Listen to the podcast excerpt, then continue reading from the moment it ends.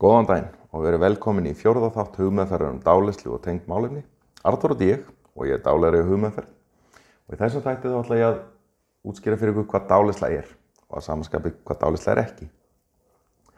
En það er til svo ótalmarka skilgreining ráði hvað dálisla er að það eru sennilega jafnmarga rángar eins og þær eru réttar. En svo skilgreining sem ég kann einna best við, hún kemur frá The American Society of Clinical Hypnosis og þar segir að dálisla sé vitundar ástand sem fylgur þessu aukna innbeitingu, takmarkaða aðtegla utanakomandi þætti og aukna getur til þess að bregðast við tillögum eða fyrirmælum. Og hvað segir það? Jú, það segir að, að dálisla sé mjög náttúrulegt ástand sem við förum í og þá er maður ofur einbeittur og útilokar all, allt svona utanakomandi áreiti. Ég er oft spurður að því geta allir upplifað dálislu. Á netinu segir að það séu 10-15% sem að eiga mjög auðvelt með að fara í dálislu og 20% sem að sé ekki hægt að dálega og aðrir falla eitthvað staði þar á milli. Ég er ekki alveg samála þessu og það kemur betur í ljós þegar ég útskýri fyrir ykkur með heila bylgjunar. En það er þetta að mæla dálislu og það er gert með því að mæla heila bylgjur og sveiplutíðni heila bylgjuna. Heila bylgjum er skipt í fimm flokka og það eru þá gammabilgjur, betabilgjur, alfabilgjur, þetabilgjur og deltabilgjur. Það sem ég ætla að fara að segja núna kemur af vísindavefnum þannig að ef þið hafið áhuga á að fræðast meira um heilabilgjur að þá sjálfsögur bara kíkja á vísindavefin.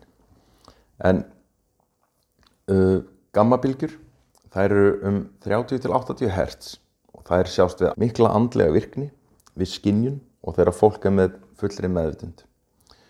Betabilgjur Þær eru 13 til 30 Hz og eru óreglulegar látínibilgjur sem að sjá þegar fólk er mjög djúft hugsi eða afar einbeitt. Alfabilgjur, það eru 8 til 12 Hz og koma fram þegar fólk er rólegt og afslappað. Alfabilgjur, við vinnum svolítið með það í dálæslu því að það er grunn dálæsla þegar svolítið fram á því sviði. Grunn dálæsla eða grunn hugleisla. Svo koma þetabilgjur Það eru 3,5 til 7,5 Hz. Það er sjást hjá dáleitu fólki, fólki í leiðslu ástandi, í dagdraumum, lausum svefni og rétt fyrir vöku og svefn. Og svo lægsta stíðið er, er deltabilgjur og það eru innan við 3,5 Hz og þeir eru aðalega vart í djúpum svefni. En svo fyrir segir í dálislunum þá vinnum við svolítið með alfabilgjur og einnig með þetabilgjunar. Þetabilgjunar þá er fólk í mjög djúpri dálislu og eins og ég sagði áðan að ég væri ekki alveg sammálaðis með þessi 20% og það einmitt kemur fram í þessu texta af hverju það er. Því að fólk fer að þetta svið rétt fyrir vöku og svefn. Þannig ég segi alltaf við fólk sem kemur til mín að þú hefur upplegað dálæslu minnstakosti tviðsvar dag, alla æfi alveg frá vöku til grafar. Það er þegar við förum að sofa þá förum við í gegnum stig sem er ekkert ósöp á dálæslu og eins þegar við komum upp úr svefninu og fleiri dæmi kannski um svona dálæslu úr daglegu lífi þar sem við erum kannski að upplifa dálæslu svona ekki á formulegan hátt.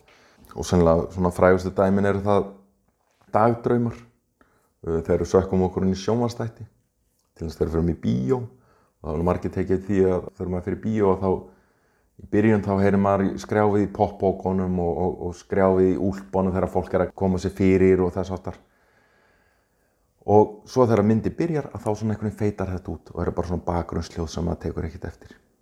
Og svo er oft eh, líka svona það sem er upplýðið daglegu lífið það er þetta highway hypnosis kallað. Og það er þegar maður er að keira og svo hefur maður alltaf inn komið á áfangastað og mann er ekki eftir ferðalægin sjálfu. Þannig að maður var á svona sjálfstýringu í rauninni. En ef það hefði gefum okkur það að það hefði komið köttur hlaupandi inn á göttuna þá hefði maður komið tilbaka. Og þá er maður á sjálfstýringu og maður er svona annars hugar og við lögum að tala um hvað dálisla er þá þarf maður líka að tala um hvað dálisla er ekki. Og í dálislu þá er maður ekki meðdöndurlaus maður er ekki sofandi og í rauninni er það það að maður er miklu næmari öll skinnfæri eru næmari, maður heyri betur finnur betur lykt og ef maður er með augun opið þá sér maður betur.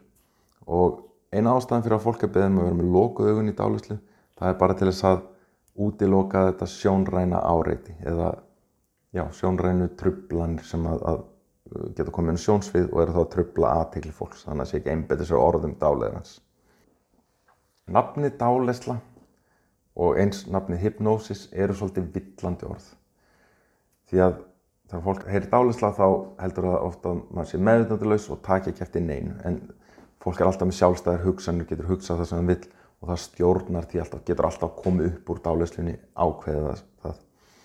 Og eins með orðið hypnosis, að hypnosis er sem þess að dreyja orðinu, gríska orðinu hypnos sem þýðir svegn og svo sem að fann upp þetta orð, hypnosis, uh, hétt James Braid og eftir að hann fann þetta orði upp þá hugsaði hann með sig, já fólk eru þetta ekkert svovandi þannig að hann vildi breyta því og vildi kalla það monio-ideoism eða svona einhugmyndarismi.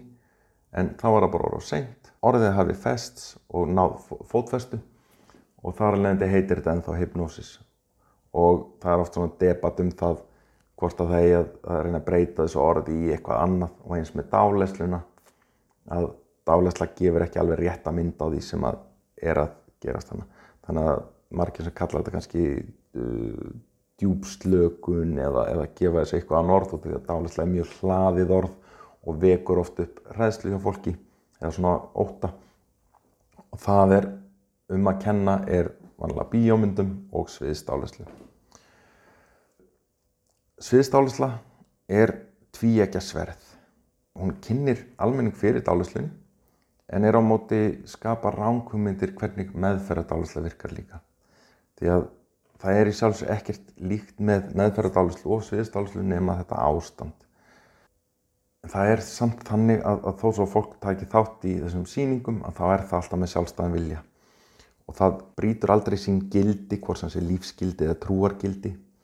Og þeir sem hafa séð svona síningar, þeir hafa tekið eftir því að, að á meðan síningun stendur þá er fólk ekki tilbúið að taka þátt í einhverjum atbyrjum og þá er því bara svona þakka fyrir og vísa út í sall og það er þá eitthvað sem að segja þeim að ég er ekki tilbúin að taka í þessu sem að hann dálegarinn eða dávaldurinn að þessu sinni er að byggja það um að gera. Þannig að fólk er alltaf við stjórnvölinn hvort sem að það virðist sem svo eða ekki. Fólk bladrar ekki frá náttúrulega leindamálum í dálæslu. Það er ekki hægt að byggja einhvern um að koma með pinnúmerinn á kortón sínum, þá opnaði þau komandi braugun og segi nei. Það er að ljúa í dálislu. Þannig að, að fólk þarf ekkert endilega að segja satt þó svo að það sé dálegt. Fólk gaggar ekki eins og hænur ef að dálegarinn byður um það nema fólk sé tilbúið að taka þátt í þeirri hegðun. Og það er eins með sviðsdálisluna að þegar fólk mætir á þessar síningar þá veit það að viss hegðun að fara eiga sér stað, viss atbyrju að fara eiga sér stað það býðir sér fram í, til að taka þátt í síningunni og þá er það búið að gefa samþykjum sitt fyrir því að það taki þátt í þessu og svo byrja svona síningan vanlega því að, að dálæðarinn, að dávaldurinn byrður fólkum að finna mun og hitt á köldu og svo verða atriðin þannig að það krefst meira af dálæslu þegar þannig að og með hverju, hverju atriðinu sem að dálæslu vegin eða eða, já, eða sá sem að taka þátt síningunni hverju atriðinu sem hann samþykjar að taka þátt í þá er rauninu auðveldar að fá hann til þess að taka þátt í næsta atrið. Þannig að ef að svona dálislega síning myndi byrja og það væri byrjað á síðasta atriðinu í síningunni þá er þið ekkert af þessari síningu því að þá er vanlega krafist þess mikið af fólkinu sem að tekur þátt að það myndi enginn taka þátt í því. Og þess vegna er þetta stigvaksandi það sem er unni með. Það er ekki hægt að festast í dálislu. Það er engi fest í dálislu.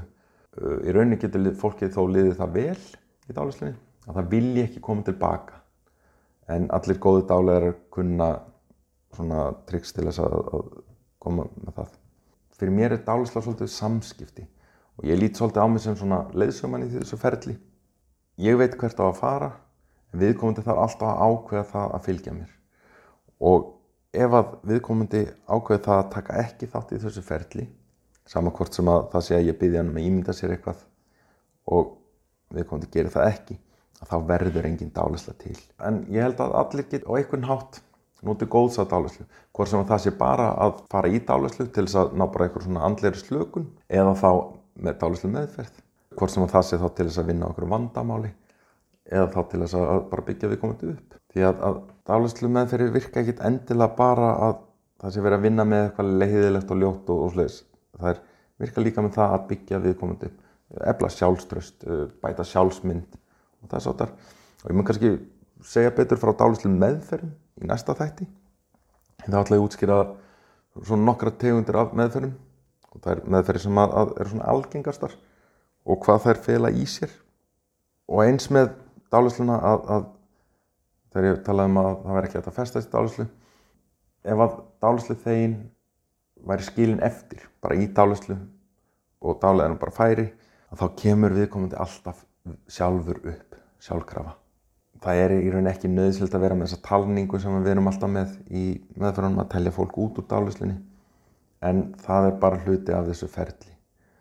Og dálislu má í rauninni skipta í nokkra hluta. Og það er dálislu innleiðingin og það er bara þetta ferli að, að, að tala viðkomandi niður í, í oftast þeirra slökun. Svo er það dýfkun á dálislinni og það er það bara að koma viðkomandi í ennþá meiri slökun. Svo fer meðferðin fram og hvað sem er verið að vinna með og svo að lókum þá er vakningin. Og þannig að svona hefðbundi dálisla er þessi fjögur ferli og eins og ég segi þá ætla ég að útskýra betur í næsta þætti hvað, hvernig dálisla meðferði virka og þess áttar. En ef það er einhverju spurningar sem þið hafið varðandi dálislu þá getið þið sendt mér bara skilabóði gegnum fjörsbókarsíðu hugmeðferðar og svo vil ég endilega hvetja ykkur til þess að kíkja líka heimasíðuna og þar eru ennþá fleiri upplýsingar um dálislu, hvað dálisla er og hvað dálisla er ekki. En ég held að ég hafi allavega lokið mínu máli á þessu sinni. Þannig að við sjáumst þá bara í næsta þætti og þá kíkjum við á hvað dálislu meðferðir eru og hvernig það geta mögulega aðstofa þig. Þannig að takk fyrir að sinni.